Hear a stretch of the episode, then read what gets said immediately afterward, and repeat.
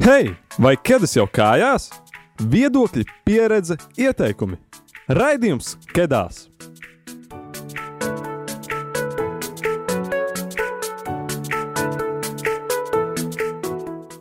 Dārgie klausītāji, ir 8 vakarā, tre, uh, februāra 1. trešdiena, 1. februāris. Un uh, cerams, ka tev jau kādas ir kājās. Un uh, šodien mēs raidījumā runāsim par to, kāda ir sievietes loma katoļu baznīcā. Un, uh, Ja tev rodas kādi jautājumi, kas ir saistīti ar šo tēmu, droši var rakstīt mums studijā uz numuru 266, 77, 272. Jā, sveiciens klausītājiem. Mēs arī Instagramā esam diezgan aktīvi, un mēs uzdevām jums, mūsu klausītājiem, jautājumu, kas tev nāk prātā izlasot mūsu februāra tēmu. Un mums ir ļoti skaista, ļoti skaista atbilde, un šī atbilde ir no Klintas. Klinta saka, rūpēties un gādāt par draugiem, ģimeni un baznīcu kopumā ar maigumu. Un, uh, ar šo, šo iesāksim mūsu jā, šo raidījumu. Un, uh, kā jau katrā kedās raidījumā, nu, gandrīz katrā kedās raidījumā, mums ir arī uh, šeit, mums ir viesis. Un uh, viesis uh, šajā mēnesī ir Priesteris Modris, kurš var uh, droši arī pastāstīt, uh, kas jūs esat, iepazīstināt mūsu klausītājus ar sevi. Labvakar, slavēts Kristus. Es esmu Priesteris Modris Lācis, uh, Ogres katoļu draudzes prāvests. Un man šīs telpas ir ļoti pazīstamas, jo šeit septiņus ar pus gadus biju līdzās katoļu ģimnāzijas kapelāns un arī bieži nācu uz raidījumiem Radio Marija. Uh, Un vēl pie viena pasniedzu garīgajā seminārā un arī Rīgas augstākajā reliģijas zinātņu institūtā. Un man ir arī ļoti uh, interesanta šī tēma, un paldies, ka jūs man ielūdzāt uz šo raidījumu. Jā, un tad uh, mēs varētu iesākt raidījumu, un uh, mēs varētu to iesākt ar tādu kā ievadu jautājumu, kas varētu arī tā pa lielam uh, ievadīt šo tēmu. Un palīdzēt un, izprast. Jā, un jā. palīdzēt izprast šo tēmu. Un tad, kāda ir vispār izpratne par sievietes un vīrieša lomām baznīcā? Kā, kā tās atšķirās un varbūt kā tiek pieņemt lēmumi saistoties ar šīm te iedalījumiem un lomām?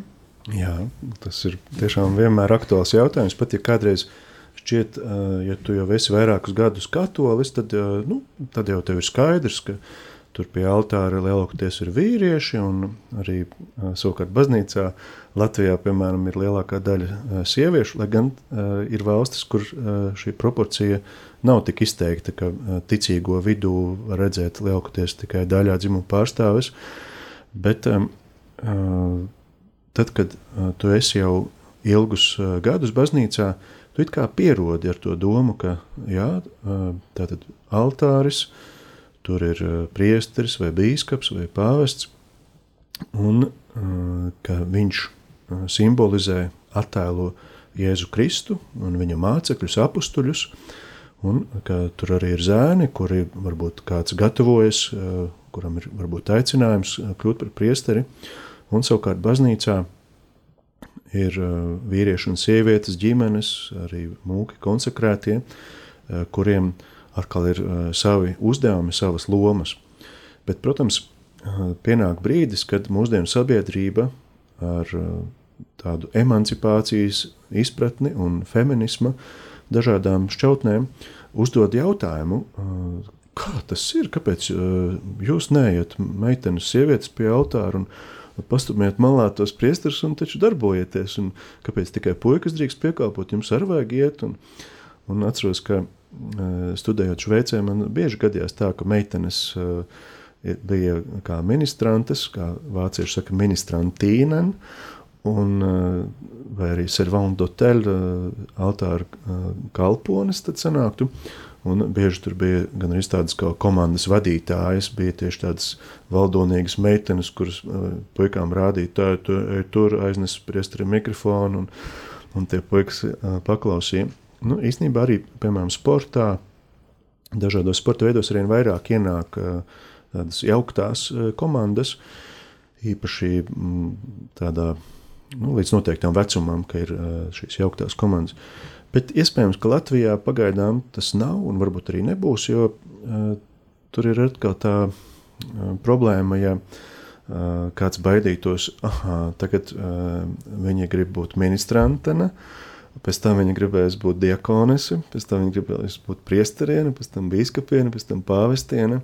Varbūt kaut kas tam līdzīgs ir. Bet uh, tāda dziļākā teoloģiskā atbilde noteikti ir tas, ka uh, tas priesteris uh, viņš attēlo Kristu, Jēzu Kristu. Un, uh, arī pēc Bībeles redzam, kā viņa mācekļi arī viņš izvēlējās, bija kalnā lūdzies visu nakti, izvēlējās tieši nu, vīriešus sev mācekļus. Bet ir ļoti daudz Bībelē par sievietēm, un arī Tad jūs droši vien tādu filmu nemaz nezināt, bet bija tāda Dana Brauna filma, uh, Da Vinci kods, Dens Brauns ir autors. Un tajā laikā mūs aicināja, atceros, Valmierā kalpoja uz studentu vakariem, un kā tas ir, vai tiešām tās sievietes tā nicina katoļu baznīcā, un, kā, un tad mēs tur skaidrojām, arī tie mācītāji citi no citām konfesijām par kā, to, kā kristietībā tas ir. Un uh, jau studiju laikā Mums bija pat veseli kursi par to, kā sievietes gan Bībelē ir daudzas varonas, gan arī baznīcā, īpaši paskatoties tādas slavenas svētās, piemēram, Svētā Hildegarda no Bingenes viduslaikos, Svētā Katrīna no Sienas, kura rakstīja pāvestam vēstules, prezes, ko diktēja, ka viņam obligāti jāatgriežas Romā, jo tas ir Pētera sēdeklis, kāpēc viņš ir Aviņonā. Uh, vai Svētā Brigita, vai Svētā Edīta no Šteinas, māsa Terēza Benedikta no Krusta, Svētā Terēza no Avilas un daudzas citas. Un, protams, pašā centrā visvētākā jaunā Marija. Ir, viņām visām ir milzu loma baznīcā. Uh, jā, jūs minējāt uh, par, uh, par to, ka uh, vīriešu, vīriešu dzimums uh, tieši priesteri lomās un, un citās, citās šīs galvenajās baznīcas lomās ir iemesla dēļ, ka attēlo Kristu. Vai ir vēl kādi iemesli, varbūt ir vēl kādi iemesli, kāpēc, kāpēc sieviete, sievietes varbūt nav šajo, šajās galvenajās lomās, vai arī tas varbūt ir tāds vien, vienīgais primārais? Jā, tas ir labs jautājums. Manuprāt, uh, ir eh, kaut kas no tās arī nu, kritikas uh, par mačo, nu, tādas no feminisma uh, pozīcijām, uh, kur tur aizdomās, ka ah, nu, vīriešu dzimums ir pārņēmis varu, bet man Katrīna pirms redzījuma arī atgādināja, ka piemēram Vatikāna pārvaldē 2020. gadā ir arī nu, tās sieviešu amati, uh, nu, faktiski pārvaldē, ja, valsts pārvaldē, pilsētu valsts pārvaldē. Un noteikti ir teoloģijas, sievietes, piemēram, Startautiskajā teoloģiskajā komisijā, kas veido tādus dokumentus, kas pēc tam biskupiem sinodēs palīdz norientēties, kā tad īsti kādu jautājumu risināt, ka tur ir tajā sarakstā daudzas sievietes, un viņām ir arī nu, tīri intuitīvi un tam līdzīgi citādāks skats uz eh, šīm dažādām teoloģiskajām problēmām, un viņas ierauga to, ko vīrietis nemaz nevar ieraudzīt, un, un arī tā sievietes pieredze ir atšķirīga. Domāju, ka tam vajadzētu ar vien vairāk attīstīties, ka sievietēm būtu daudz vairāk lomas, un arī uh, Svētais pāvests Jānis Pāvils II izdeva tādu dokumentu Mulieris dignitātem par sievietes cieņu, uh, Jo acīm redzot, jau arī viņa laikā viņš jūta, ka nu, pārmet baznīcai eh, to, kas īstenībā nav eh, gluži pamatots, un ka viņš arī rādīja, cik liela eh, loma ir sievietei, un ka nav gluži tieši juridiski kaut kādi punkti, kāpēc tādā profesijā nedrīkstētu būt. Piemēram, man bija Katoļu ģimnāzijā arī viena meitene, skolniece, kura bija izpētījusi, ka Latvijā sieviete var būt visās profesijās, izņemot ugunsdzēsējs. Viņa nevar būt. Viņa būtu karasieva un tā tālāk, bet šis, šis ir tāds mums. Un baznīcā, acīm redzot, arī ir tādas, ne jau tāpēc, ka kāds negribētu, bet ka ir nu, tāds teoloģiskais tas pamatojums. Jā, un uh, jūs jau pieminējāties, ka ir sievietes teoloģis, kas tā teikt, palīdz biskupiem arī nu, palīdz pieņemt lēmumus. Varbūt jūs varat vairāk izstāstīt, kā tieši tiek pieņemti lēmumi un katoļu baznīcā, kas star, skar visus ticīgos un, un draugus, un kam vispār ir iespēja pieņemt lēmumus. Jā, zinu, ka Romā ir tā saucamās kongregācijas uh, un dikastērija, kas jā, apmēram tas pats, kas ministrijas valstī, bet uh, var, vairāk saistītas arī dažreiz ar teoloģiskiem un tādiem administratīviem jautājumiem. Un ka tur ir daudzas ierēdnes, varbūt klostermās vai lajas sievietes, un viņas tur darbojās. Bet tādi koncili un sinodes, tur pati tā tā, pašas tās lēmēja tiesības ir bīskapiem, jo viņi ir apstuļu pēcteči. Un, mm, manuprāt, varbūt arī tas nav tāds slikts sadalījums, ka, piemēram, mums Latvijā ir iespēja apgūt pastorālā konsultanta profesiju, specialitāti Rīgas augstākajā reliģijas zinātņu institūtā. Un man ienāca prātā arī pirms redzējuma, jo, ir izcili, eh, izcilas kapelānes, piemēram, Inese Lūse, eh, Gaļazeres slimnīcā, kura eh, ir ikdienā kopā ar slimniekiem. Un tad, ja ir tiešām vajadzīgs kāds, piemēram, slimnieka sakraments vai komunija, kur pat komuniju varētu, viņas gadījumā viņa arī pati varētu dot komuniju, viņa nevarētu dot gandrīšanas sakramentu un piešķirt slimnieku sakramentu. Bet uh, viņa var būt ikdienā un tātad, uh, visu laiku kopā ar šiem slimniekiem, un tad uh, viņa to priesteri atkal aizved tur uz to palātu, kur vajag, un uh, nu, saved kopā. Un, manuprāt, tā ir atkal viena loma, uh, kur varbūt vīrietim atkal būtu varbūt sarežģītāk uh, to izdarīt. Mhm. Un, ka viņi atkal to var. Jā. Uh, Um, arī runājot par Latviju, uh, Latvijā uh, salīdzinoši nesen sievietēm parādījusies iespēja iegūt akolītu svētības, un uh, vai Latvijā kopumā šie jauninājumi, uh, jā, šī gadsimta jaunie, jaunie ieviestie, uh, ieviestās lietas, uh, kas tiek, mm, kā jau pareizāk noformulē, um, vai Latvijā mēs varam teikt, kā, vai mēs tā atpaliekam nedaudz tajā, vai tas jau ir, vai varbūt mēs esam tā kā varbūt pa priekšējam, vai mēs atpaliekam, kā, kādā mēs esam šajā stadijā un, un kāpēc. Jā, baznīcas vēsture ir ļoti interesants temats, kur nu, faktiski disciplīna, kur mēs varam izsekot arī tam, kā teoloģija pati ir attīstījusies un kā pakāpeniski ir formulētas dogmas.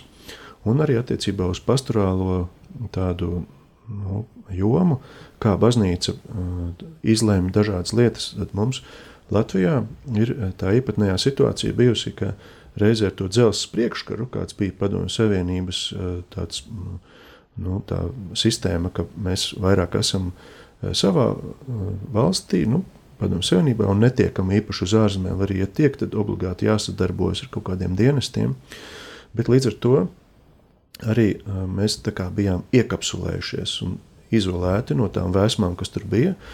Un pie mums dažādas liturģiskās reformas ienāca pakāpeniski un daudz lēnāk. Bet uh, pašlaik domāju, ka daudzajā ziņā mēs esam diezgan līdzīgā situācijā kā rietumos, nu, kā uh, pārējā pasaulē, jo tomēr ir pagājuši jau 30 gadi kopš uh, Padomu Savienības sabrukšanas. Un uh, par akolītu svētībām Eh, ir tā, ka eh, diezgan drīz pēc Vatikāna otrā koncila jau bija iespēja eh, sievietēm palīdzēt dalīt komuniju, un īpaši tas attiecās uz klosteriem, uz sieviešu nodaļām slimnīcās un, un tam līdzīgi, ka tad tāda iespēja arī ir. Un draudzēs, piemēram, kur lielas draudzes, tad var būt vai nu klostera māsa vai uh, vai arī laju sieviete, kura palīdz priesterim dalīt komuniju. Un, līdz ar to, ja ir liela draudzība, kaut kādi vairāk simti cilvēku, iedomājieties, kā tas ievilktos, jo tikai viens pats priesteris varētu to dalīt kuras nodziedātu entās dziesmas, bet mūsdienu steidzīgais cilvēks, nu, viņam tas tomēr daudz ko izšķir, tās 10 vai 15 minūtes. Un akolīts, tā ir, ir, tā ir svētība, viena no šīm zemākajām svētībām, sākot ar lektoru, ko tiešām draudzēs īpaši, kā es pieminēju, ka lielākā daļa ir sievietes. Man ogrē bieži gadās tā, ka neviens vīrietis nav darbdienas misē. Uh, Un, eh, kurš tad ies lasīt? Nu, kāds, kāda no dāmām iet lasīt. Un, uh, Priesteris Pāvils, mūsu otrs priesteris Ogrē, viņš arī ar, ar šiem lektoriem darbojās. Iespējams, ka perspektīvā mēs arī uh, varēsim lūgt uh, bīskapam vai laikam arī var deleģēt, ka prāvests iesvēta par lektoru un ka viņām tas būtu speciāls tāds kalpojums vēl. Un tad uh, akulīts, protams, tad slimniekiem var aiznest komuniju un uh, uz pansionātiem, tur, kur mūsdienu uh, situācijā, kad ir priesteru trūkums, kur mēs nevaram visur paspēt to tā mierīgi izpildīt to pienākumu. Jā, un uh, iespējams šis būs tāds nedaudz augstprātīgs, augstprātīgs jautājums, bet uh, Uh, vai ir kas tāds, ko baznīcā un draudzē spēja paveikt vien, nu, tikai sievietes, ko vīrieši nevar paveikt? Un, uh, varbūt arī tas ir uh, kas tāds, ko Latvijā tieši veic sievietes, un nu, citās valstīs varbūt ir savādāka situācija. Tas nekādā gadījumā nav augstprātīgs jautājums, bet uh, drīzāk tas ir asprātīgs jautājums. Un, uh, tas parādījās, man nebija laika to uh, pārdomāt pirms tam Nu, piemēram, ir domājot par ogres draugu, un arī Terēzes draugs, kuras pirms tam kalpoja, florists. Es domāju, ka varētu būt arī vīrietis, florists. Bet lielākoties es esmu saskaries, ka ir sieviete ar savu gaumi, ar savu estētisko izjūtu. Tad baznīcas kopšana, diemžēl arī vīrieši tur tikai kaut kur pa kāpnē, kaut kur jāuzkāp, kaut kas tur vai, vai kaut kāds smags. Un, tas īstenībā ir smags darbs, baznīcas kopšana. Atceros, ka kalpoju gulbenē, tad man šīs dāmas gados, kas regulāri kop baznīcu, viņas tās maidot teica, mēs esam baznīcas slotas, un ka regulāri viņas tīrīja baznīcu. Un, protams, ir dažādas citas jomas, kur nu, ir kaut kā ierasts, ka to parasti dara sievietes, piemēram, arī oblātes sadala tajās aploksnēs, un, un tad pēc iedojumiem atkal izsniedz ticīgajiem, kuri to vēlas. Tad visdažādākie baznīcas sakārtošanas darbi, arī, piemēram, priesteriem gatavot ēdienu. Nu, teoretiski varētu kaut kāds vīrietis vai pavārs būt, vai, ne? vai arī uztaisīt, atvest, un, bet uh, iegājies tā, ka tās ir sievietes. Un, uh, arī domājot par uh, tādu iedvesmas uh, lomu, līdzīgi kā Rainim bija Aspazija, uh, tā priesteriem arī ir, ir māsas, nu, draudzenes, teiksim, arī kaut kādā ziņā padomdevējas, impresārijas, kuras nu, varētu pateikt to, ko vīrietis varbūt arī nepateiks, piemēram, pēc misas. Jā, zini, man patika, kā tu sprediķīji tur to un to pateici. Un, varbūt vīrietis to kautrētos teikt, vai nu, vienīgi tā kā uz diskusijām. Tad arī šāda loma, manuprāt, diezgan svarīga ir, ka ir uh, tāda māsa, kas priesterim uh, var uh, palīdzēt tā, kā brālim droši cīnīties, darboties. Mm -hmm. uh, var arī pieminot par, par statistiku. Uh, statistiku vai lomām, es aizdomājos tieši par, par jauniešiem, kā jau jauniešu raidījums, tieši par jauniešu vadītājiem, kas ir draudzējis. Es atskatījos, kad es vēl biju pusaudze, un, un to, uz to, ka vispār Latvijā gan katoļu konfesijā, gan arī citās bija visvairāk saskatāms, ka jauniešu vadītāji ir tieši sieviešu dzimums pārsvarā. Tagad, skatoties, tagad jau sāk līdzināties, un cik es dzirdēju arī pēc nometnēm, oāzes nometnēm, ka tagad jau tagad šī brīža pusauģi jau ir ļoti lielā pārsvarā tieši puiši. Un, un, un tas varētu arī liecināt to, ka ļoti daudz lomas baznīcā, uh, draudzēs, uh, ļoti daudz kas arvien nu, cirkulējas, un, un tad, tad tie, tad tie, un, un, un reizēm vienāds skaits. Tas vien, tas vien diezgan uh, daudz jau tā pasaka par dažām lomām. Bet uh, mums jau tuvojamies, tuvojamies uh, pārējiem lēnām uz otru pusi. Jā, un tagad ir uh, pienācis laiks mūzikas pauzei, un uh, kā ierasts uh, mūziku un dziesmu šai, šim raidījumam izvēlējās viesis, un tad uh, es lūkšu pakomentēt, kas šī ir par dziesmu un kādēļ tieši šī dziesma. Pagājušā ceturtdienā uh, Radio Marija uh, Aija aizstāvēja savu maģistra darbu Rīgas augstākajā reliģijas zinātņu institūtā, un tas bija par marioloģiju Radio Marija. Kā, mm, kādos raidījumos tas tiek šī tēma par Mariju. Un, ja mūsu tēma ir par sievietes lomu baznīcā, tad, manuprāt, tas, ko katoļiem dažreiz pat pārmet, ka mēs to Mariju visur liekam, nu, ka viņa ir lielāka un stiprāka par pašu Dievu un par Jēzu Kristu, viņa ir dievmāte. Uh, kas ir īstenībā ekumēniska koncila formulējums, ka viņa ir dievmāte, dieva māte. Un tā dziesma ir mazā jūdu meitene, kas ir priestera Māra Ozoliņa komponēta dziesma, un mēs esam ar viņu iesvētīti, ordinēti vienā dienā, un manuprāt, šī dziesma ļoti, tā ir reizē lūkšana, un viņa arī daudz ko izsaka par to, kāda var būt mūsu attieksme pret Mariju, ka viņa tiešām var būt tā sieviete, jaunava, kas ir mūsu uh, dzīves centrā, kas mūs ved pie Jēzus. Un ka viņa ir nevis tā, kas sēž tronī, valdniece, karaliene, bet viņa arī ir kā māsa, kā draudzene, eh, kā tā, kur bija nu, varbūt ne gluži maza jūda meitene, bet viņa varēja būt pusaudze tajā laikā, kad bija pasludināšanas tas brīdis, kad Eņģēlis Gabriels ieradās. Un ka uh, Priesteris Mārs to ļoti skaisti ielicis šajā savā dziesmā.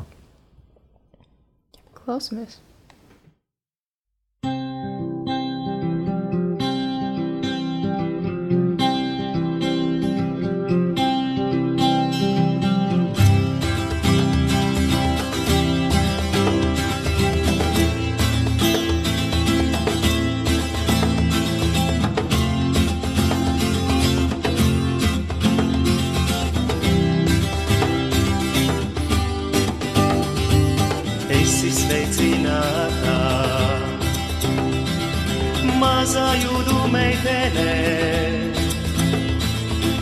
Dieva dēlu nesi savā miesā. Esi sveicināta, kļuvi Dieva māte, pestītāju devi pasaulē.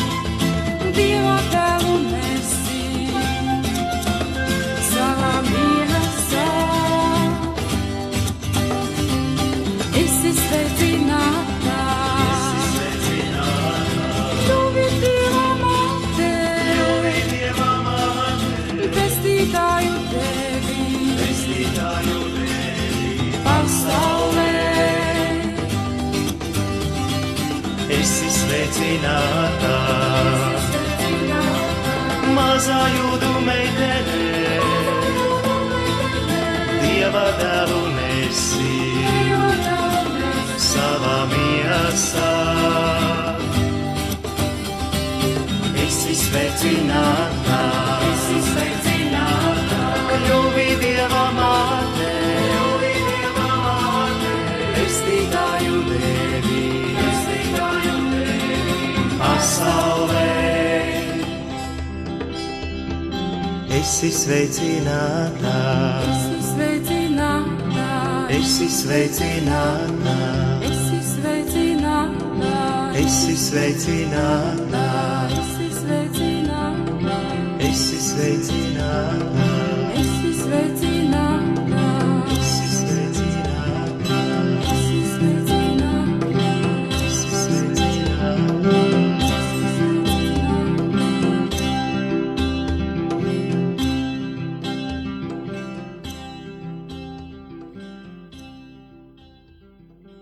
Skan raidījums Kedās. Esam atgriezušies no mūzikas pauzes. Tu klausies jauniešu raidījumu Kedās, un šī mēneša tēma ir sievietes loma katoļu baznīcā. Un tad turpināsim ar, ar šo sarunu par, par to, kāda ir sievietes loma un šīs uh, dažādības spektru. Un uh, nedaudz pieķersimies uh, tādiem uh, varbūt reizēm stereotipiem un reizēm varbūt kā tādām ierastām lietām.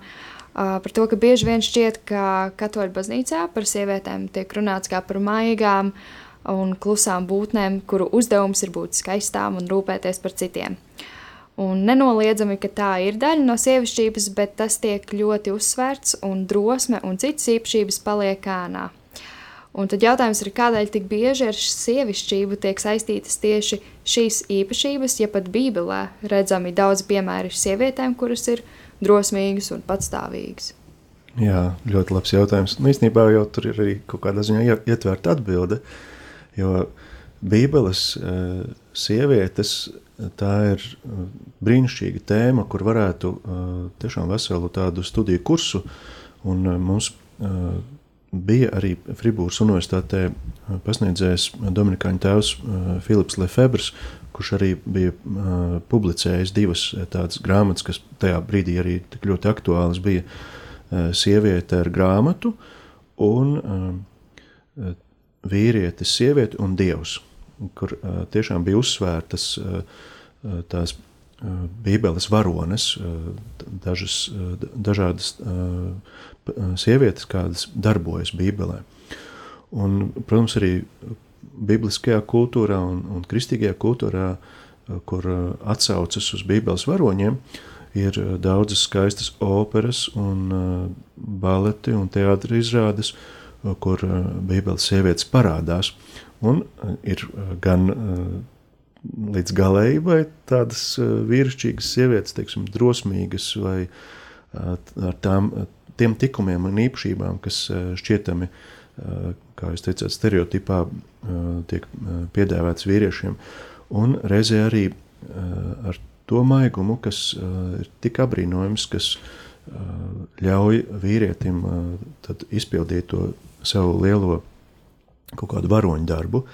Un, protams, pirmkārt nāk prātā Esteras grāmata, eh, kas ir eh, arī ļoti īpaša vēsturiskā Bībeles grāmata, un galvenā varone ir eh, arī jūdu meitene, mazā jūdu meitene, un viņa ir bērne, un viņas onkulis, vai var teikt krustāvs, bet tā, tādā jūdu izpratnē, viņš rūpējas par šo meiteni, un tad, kad uzzina, ka ir tāds konkurss ķēniņa galmā, viņi ir jau trimdā, viņi ir izvesti no dzimtās zemes projām, un uh, ir uh, iepriekšējā ķēniņa vastī aizvainojusi, apvainojusi to imperatoru, kur atkal ir viena feminisma problēma, kā, kā tu, tu drīksti uh, pavēlēt savai sievai, un uh, atceros, ka tieši kādās uh, konferencēs, kur ir arī par to feminisma uh, noti, uh, ka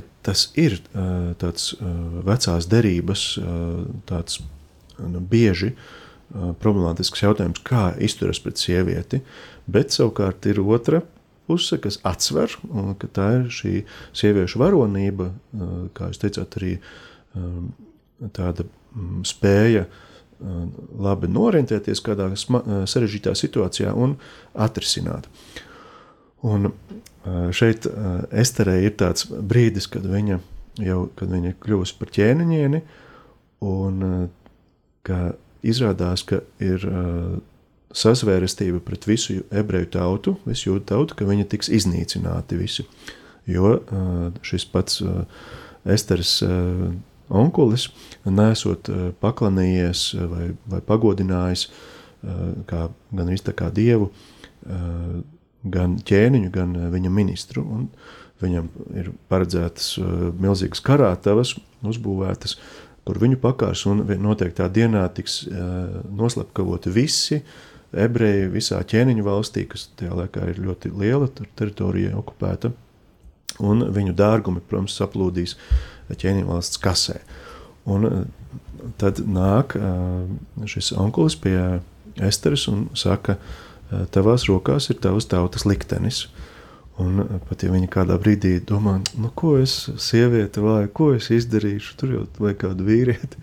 Bet nē, viņa pārdomā, lūdzas, gavē, un rezultāts ir tāds, ka viņa diezgan viltīgu plānu izdomā, kur beigās tajās garajās augstajās karātavās tiek pakāstas ministrs, kurš bija to sazvērstību ieplānojis, un tas ir liels jūdu tautas triumfs. Un līdzīgi arī mēs varam simboliskā veidā sievietes lomu ieraudzīt ļoti daudzos šādos Bībeles svētās vēstures notikumos. Un, ja mēs izsakosim uh, Bībeles sievietēm, mēs redzēsim, ka arī uh, Jēzus radu rakstos ir uh, šīs slavenās sievietes, uh, un arī svētajā vēsturē, ka viņas ir ļoti svarīgas. Un domāju, ka par tiem stereotipiem uh, tas arī lielā mērā ir uh, varbūt aktuāli pašlaik arī Latvijā, jo mēs uh, joprojām esam postpadomju, posttotalitārisma nu, valsts, civilizācija, un lielā mērā padomju savienībā sievietes loma bija hipertrofēta. Viņa bija traktoriste, kosmonaute. Piemēram, viena kosmonauta sieviete ir no Rīgas, cik es saprotu, Tereškova. Viņa bija viena no pirmajām sievietēm kosmosā. Un ka visas šīs jomas, kur nu, ierasts bija domāt, nu, tur jau vīrieši, bet to var arī viņas. Bet rezultātā vīriešu loma tika nu, samazināta. Viņi uh, bieži kļuva alkoholiķi, viņi tika izstumti no šiem kaut kādiem tādiem uh, drošiem amatiem, vai arī viņi bija, kļuva par kaut kādām marionetēm, kur uh, īsnībā sieviete raustīja tās aukliņas, un, un tas vīrietis tur kaut kādas tur runas nolasīja. Nu, un, protams, ka tad mums šodien ir uzdevums dziedināt arī to vīrieti, kurā kaut kas ir nepareizs. Un ir piemēram Svētā Jāzepa vīru kalpošana, kur vīrieši var satikties, lūgties, slavēt Dievu kopā un saprast, kāda ir viņu loma ģimenē. Lai nav tā, kā mēs beidīgi atzinām, ka tā statistika, nu, nu jā, tur tikai sievietes nāk. Un, un tā ir, ka, piemēram, es reti esmu redzējis, kad kāds tētis atvestu savus dēlus uz baznīcu. Parasti to dara mātes, un, un tad viņiem arī tas priekšstats, viņi paskatās, ah, tā tantes tikai tā. Nu, ka, manuprāt, tas ir ļoti svarīgi, lai mēs to arī jūs, kā nākamās mātes, varbūt, ka jūs zinātu, kas jūsu dēliem ir svarīgi, lai jūs varētu viņiem ieaudzināt gan to bruņinieciskumu, gan to visu, kas tāds pozitīvs. Un, piemēram, domājot par manu mammu, es jums teicu arī par savu džemperi, ja, ka nu, viņa ir mūžībā, bet eh, jo vairāk es eh, eh, pārdomāju, es saprotu, ka mātes loma ir izšķiroša. Domāju, ka gan zēna, gan meitenes dzīvē, ka viņa varbūt daudz, daudz vairāk nekā tētis var kaut ko ļoti dziļu ielikt tajā raksturā un, un personībā. Jā, un tad paturpinot par to, ka ir šādi dažreiz stereotipi baznīcā, ka ir jābūt tādām maigām un uh, mīļām, tad uh, kā justies sievietēm, it īpaši jaunām meitenēm un jaunietēm, kas mūs šobrīd klausās, uh, kuras drīzāk ir aktīvākas, skaļākas, enerģiskākas un vēlās nevis tikai klusi kā piedalīties misēs, bet arī aktīvi paust savu nostāju un uh, aicināt uz pozitīvām pārmaiņām baznīcā un uh, tā teikt uzdrošināties uh, būt pama, uh, pamanāmākām.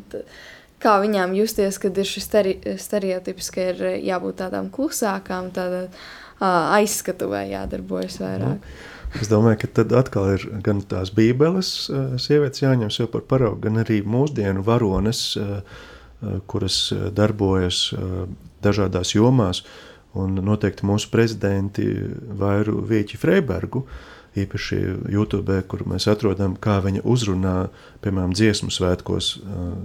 Ļoti emocionāli viņa skolēnu dziesmu svētkos vienreiz uzrunāja tos tūkstošus, ja, kas tur bija, un arī vispārējos dziesmu svētkos.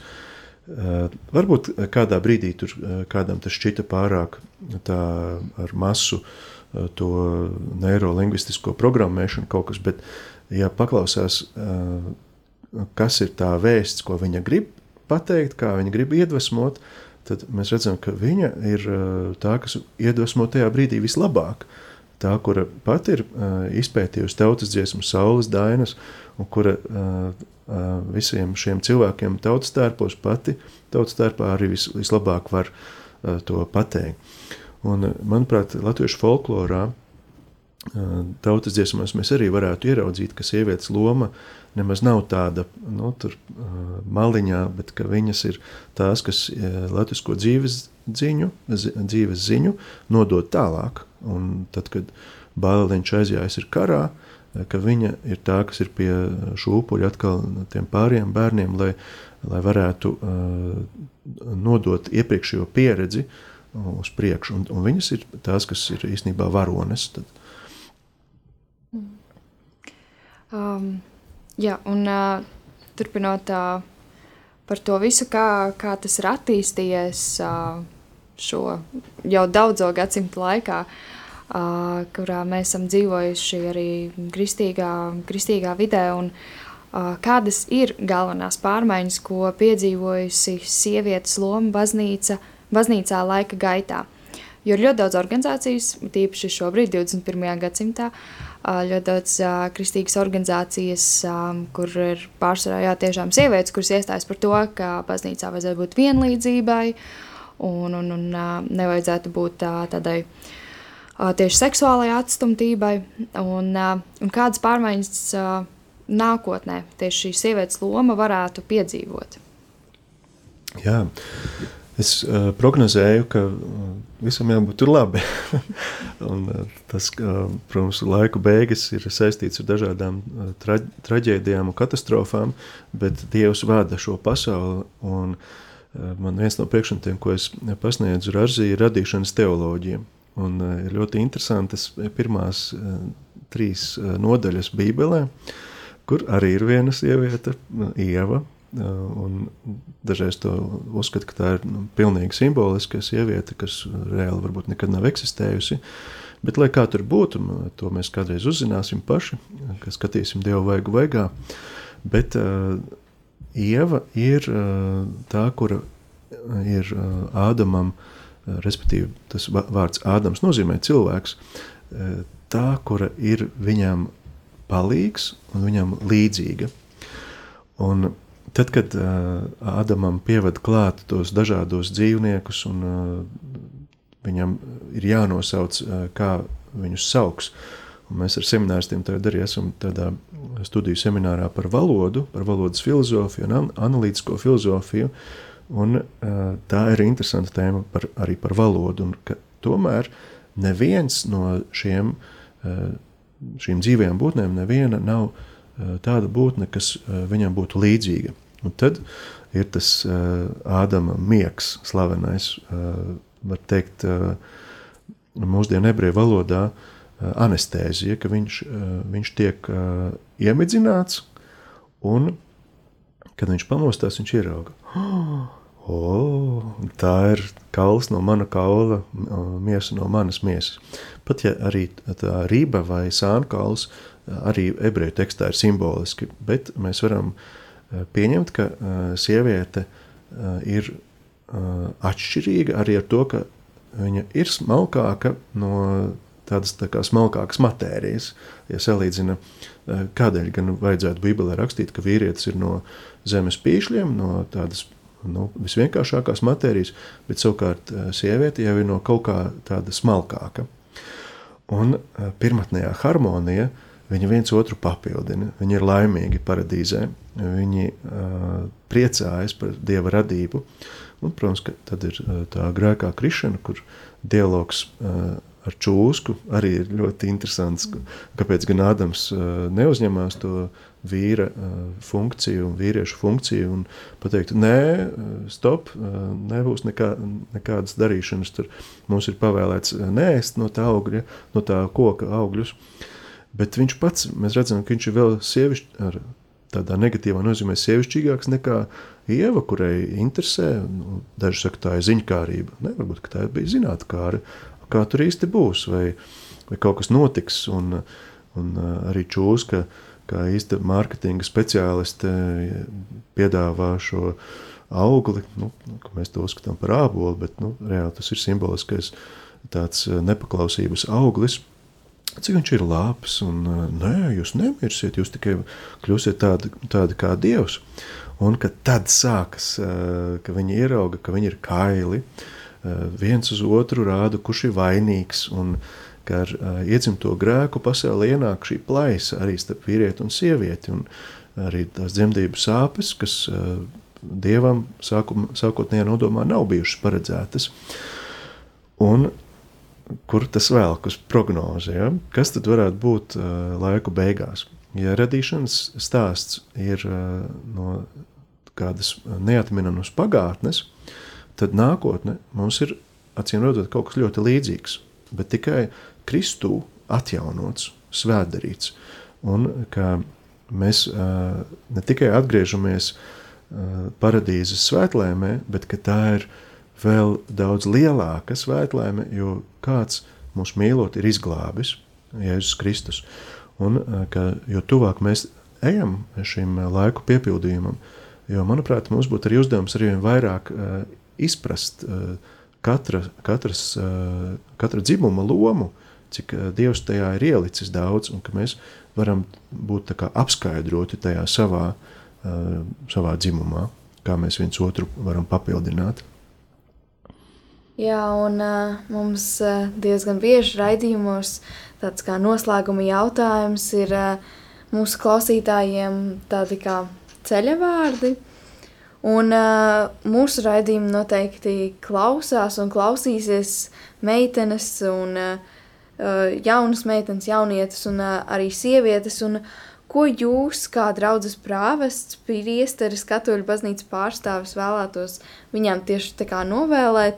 Un uh, varbūt jums ir kādi iero, uh, ierosinājumi un uh, kāds iedrošinājums, kā viņām turpināt savu ceļu. Jā, paldies par šo iespēju tādus at, uh, ceļu vārdus teikt. Man uzreiz saistībā ar AIU ienāca prātā, ka varbūt arī programmās varētu būt pat vesels redzējuma cikls sieviete bībelē, un ka varētu sākot no ievas un beidzot ar uh, nu, jaunās derības sievietēm, apstuļu darbos un, un visas, kas pieminētas arī tajās vēstulēs un atklāsmes grāmatā, ka varētu iziet tam visam cauri un noteikti uh, ieraudzīt, uh, cik daudz uh, katra šī bībeles sieviete var mums iemācīt un arī uh, pamācīt arī tos vīriešus. Un uh, otrkārt jau tās sievietes, kuras es pieminēju, svētās, jo jūs esat uh, šī gadsimta svētās, šī laika svētās. Un, uh, ir brīnišķīgi, ka jūs vadat raidījumu, un ka tur Katrīna sēž pie kloķiem un, un groza tur visu, un, un uh, ka viss iet gaisā. Bet uh, tās sievietes, ko es pieminēju arī no uh, baznīcas vēstures, kuras man ļoti mīļas, nu, visas pat grūti uzskaitīt, bet, piemēram, es jums teicu, Hildegarda no Bingenas, mūķene viduslaikos, par ko parasti vēsturē stāsta, no tur katoļu baznīca nomāca tās sievietes, un viņas neko nedrīkstēja darīt. Nē, viņa raksta arī, līdzīgi kā es par Katrīnu no Sienas stāstīju, ka viņa ir pirmā komponiste, pirmā mūziķa, tāda zināmā, jo parasti tie bija visi anonīmi, tie pirmie komponisti, tad dietoloģi, laba organizatore, paš, pati savā klosterī, dažādu mistisko traktātu autore. Un, mums ērgļu draudzē, kad es kalpoju, tur bija braku muzeja vadītāja Anna Kuzina. Viņa arī draudzes vecākā pie mums, un viņa pārtulkoja vairākas grāmatas, kas saistītas ar Hildegardu no Bingenes, bet noteikti vērts viņas šo garīgo mantojumu uh, lasīt, studēt, mācīties un arī mūsdienās pielietot. Un tas attiecas ne tikai uz dietoloģiju vai uz, uh, tikai uz skaisto mūziku, kas uh, no viņas traktātiem ir arī uh, mūsdienās atskaņot. Ir, es domāju, Spotify arī var atrast viņu, bet arī par to garīgo pusi un arī to misticismu un reizē arī sievietes uh, lomu. Nu, protams, Katrīna no Jēnas, kad es atceros, mums bija tāda svētdienas skolā arī viena Katrīna, un viņai mums, mums bija katram jāizstāst par vienu svēto. Uz visu svēto dienu bija tieši laikam, nākamajā dienā, laikam, iekrita vai dažas dienas vēlāk. Un, kad viņa stāstīja, viņai bija tāds lakats pāri galvai un paslēpti mati. Un izrādās, ka Svētās Katrīnas biogrāfija ir tāds brīdis, ka viņa esot tos matus nogriezusi, un tas bija kaut kāds, laikam, svētsolījums un tā.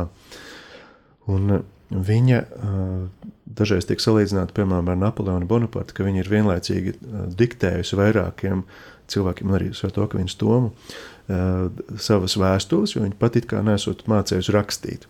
Un šīs vēstules tiešām ir kā vēstures mainītājas, ka viņa uzdrošinās kaut ko pavēlēt vai pateikt, Jēzus Kristus man teica, lai es to izdaru, lai uzrakstu šo vēstuli pāvestam.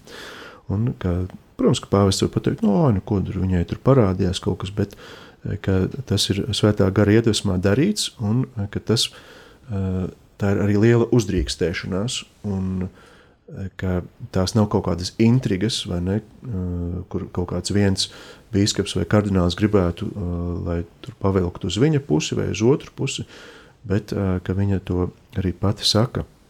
Protams, svētā Terēza no Avilas, Karmela svētā, man ir bieži jābrauc uz Karmela klosteri, un tā ir arī liela varonība, piemēram, mūsdienu meitenei, izdomāt, es gribu kļūt mūķene, es gribu uh, Jēzus Kristus mīlestības dēļ savu dzīvi veltīt viņam un baznīcai un uh, doties uh, šajos klostera mūros un izcīnīt garīgo cīņu, tādu, kur uh, tie gļēvie vīrieši netiek galā, kur uh, tāds kontemplatīvais klosters ir tikai sieviešu klosters mums Latvijā, kur māsas cīnās, un tas ir kā garīgais avots, kur var Latvija saņemt milzu svētību.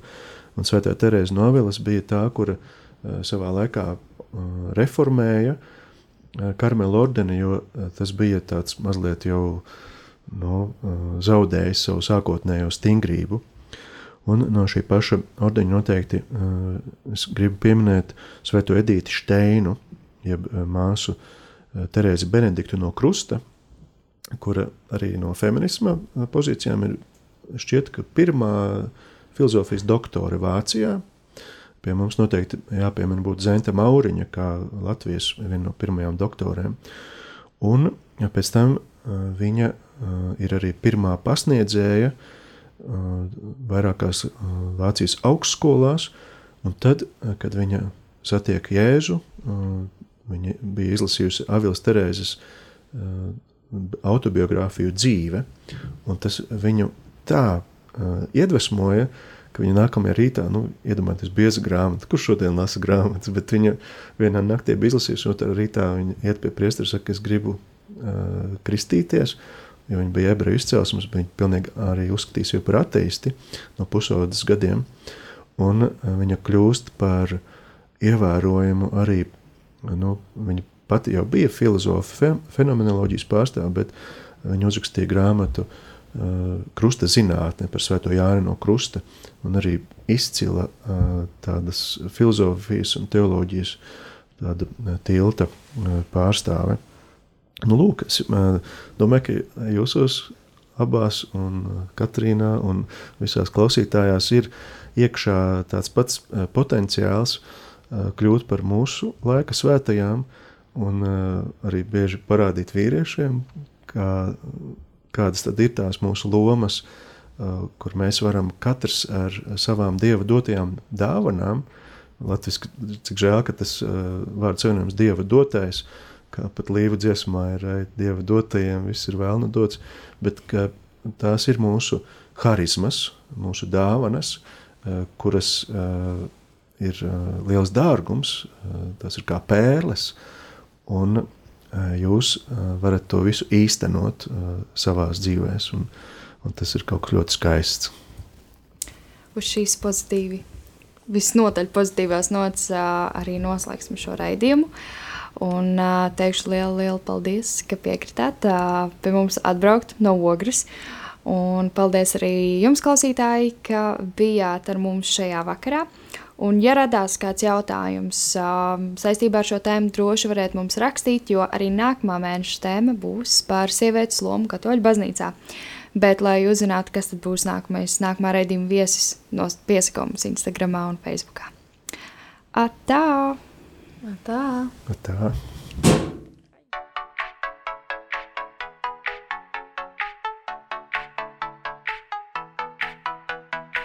Tu tikko dzirdēji raidījumu Kedās. Seko mums Facebook un Instagram etraidījums Kedās. Tiekamies katru mēnešu pirmajā trešdienā, pulksten astoņos vakarā.